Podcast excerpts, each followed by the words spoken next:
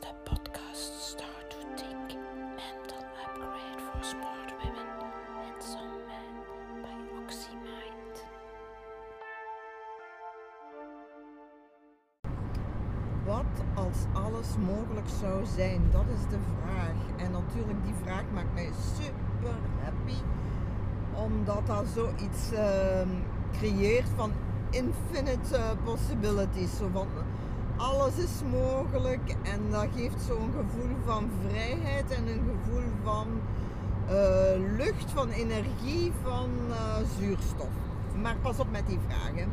Want eh, sommigen gaan met deze vraag ook naar het verleden en zouden graag hun beslissingen of dingen die gebeurd zijn in hun verleden veranderen of wissen enzovoort. En dat is eigenlijk niet zo'n goede manier van om te gaan met uw verleden, want dat gaat u natuurlijk niet helpen. Het verleden is wat het is.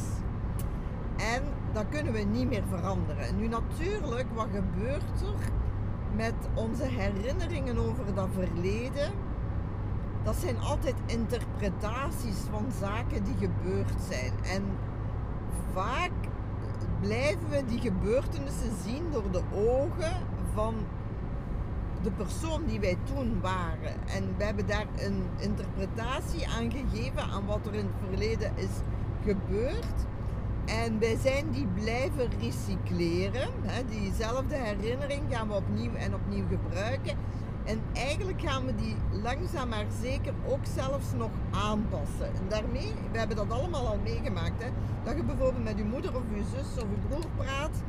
En dat die een heel ander verhaal hebben over een gebeurtenis uit het verleden waar jullie dan allemaal aanwezig waren. Of, en dat die dat helemaal anders zien dan dat jij dat ziet en denkt dat jij dat beleefd hebt. Of dat je dat beleefd hebt. Dus pas op, hè. Dus herinneringen aan uw verleden, dat zijn altijd interpretaties.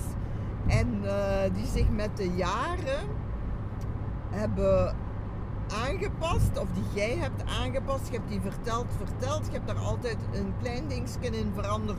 Pas op, hè, onbewust. Hè. En, eh, soms in de context van het verhaal, om het verhaal wat aan te dikken. En op den duur zijt je dat gaan geloven. Nu, als dat herinneringen zijn die u niet helpen, dan bedoel ik herinneringen, slechte herinneringen, herinneringen waar je op vastloopt, dan heb jij daar geen belang bij van die te blijven recycleren. En dan is het misschien de moment wel aangebroken om eens na te gaan van oké, misschien kan ik met een andere blik naar dit verhaal gaan kijken. Enfin, dat is een heel gedoe natuurlijk, dat is niet zo makkelijk. Pas op ook wat je doet. Ehm, maar ik wou juist even toch dat aspect te, benaderen van eh, naar het verleden gaan. eh, met eh, wat als alles mogelijk zou zijn met die vraag. Wat ik met die vraag beoog is natuurlijk van naar de toekomst te gaan. Hè? Van wat stel dat alles mogelijk zou zijn in de toekomst. En wat een eh, heerlijke plek kun je dan creëren in je gedachten. Hè?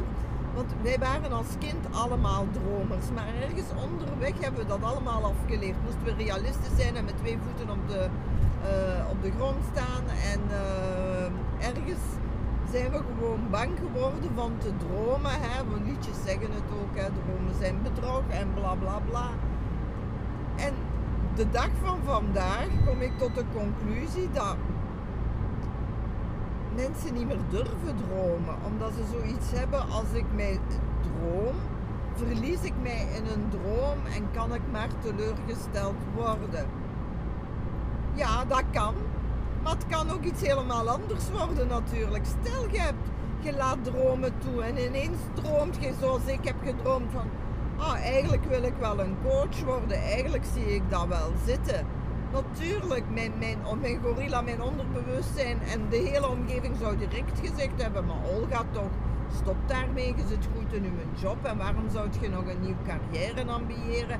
En, en coaching, er zijn zoveel coaches en bla bla bla. En natuurlijk, die droom zou direct ehm, eh, direct in de grond gestampt zijn en weggegooid zijn. En voilà, ik zou nog in mijn realiteit zitten en eh, niet durven dromen. En misschien gefrustreerd zijn, hè? omdat ik ergens binnenin toch nog een hoop heb of een droom zou hebben. Nee, nee, nee, ik heb mijn dromen toegelaten en ik wil jullie ook aanmoedigen. Droom maar, hè? droom maar en droom maar totaal uit, out of the box. En, eh, en wie weet, wie weet is er daar wel eh, een droom die wel gerealiseerd kan worden en die wel de moeite waard is. En die, je gaat echt niet zot worden van te dromen, hè? want je hebt zoiets van, oh dat is een dromer en dit en dat. Uh, en er is zo'n angst van we gaan ons verliezen in de droom. Tut, tut, tut, tut. De meeste mensen kunnen heel goed om met dromen. Maak u echt geen zorgen. En jij bent waarschijnlijk een van die mensen die heel goed overweg gaat kunnen met uw dromen. Dus laat uw dromen toe en ga eens onderzoeken wat is eigenlijk mijn droom. Waar droom ik stiekem van? En laat dat eens toe. En ga dan misschien ook eens een stapje verder. Waarom is die droom? Waarom droom ik daarvan? Want alles wat wij doen of waar wij van dromen, doen we om een bepaald gevoel bij onszelf op te wekken. Welk gevoel?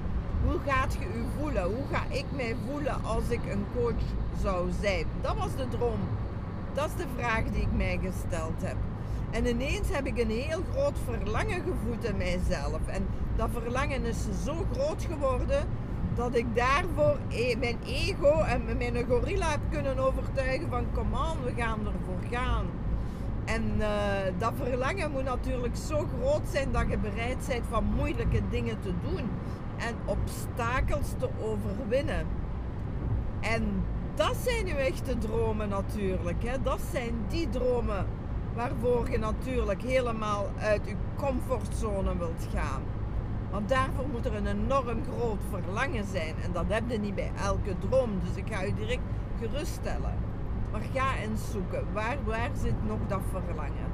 Welk van, welke droom wil, wilt u nog cadeau doen?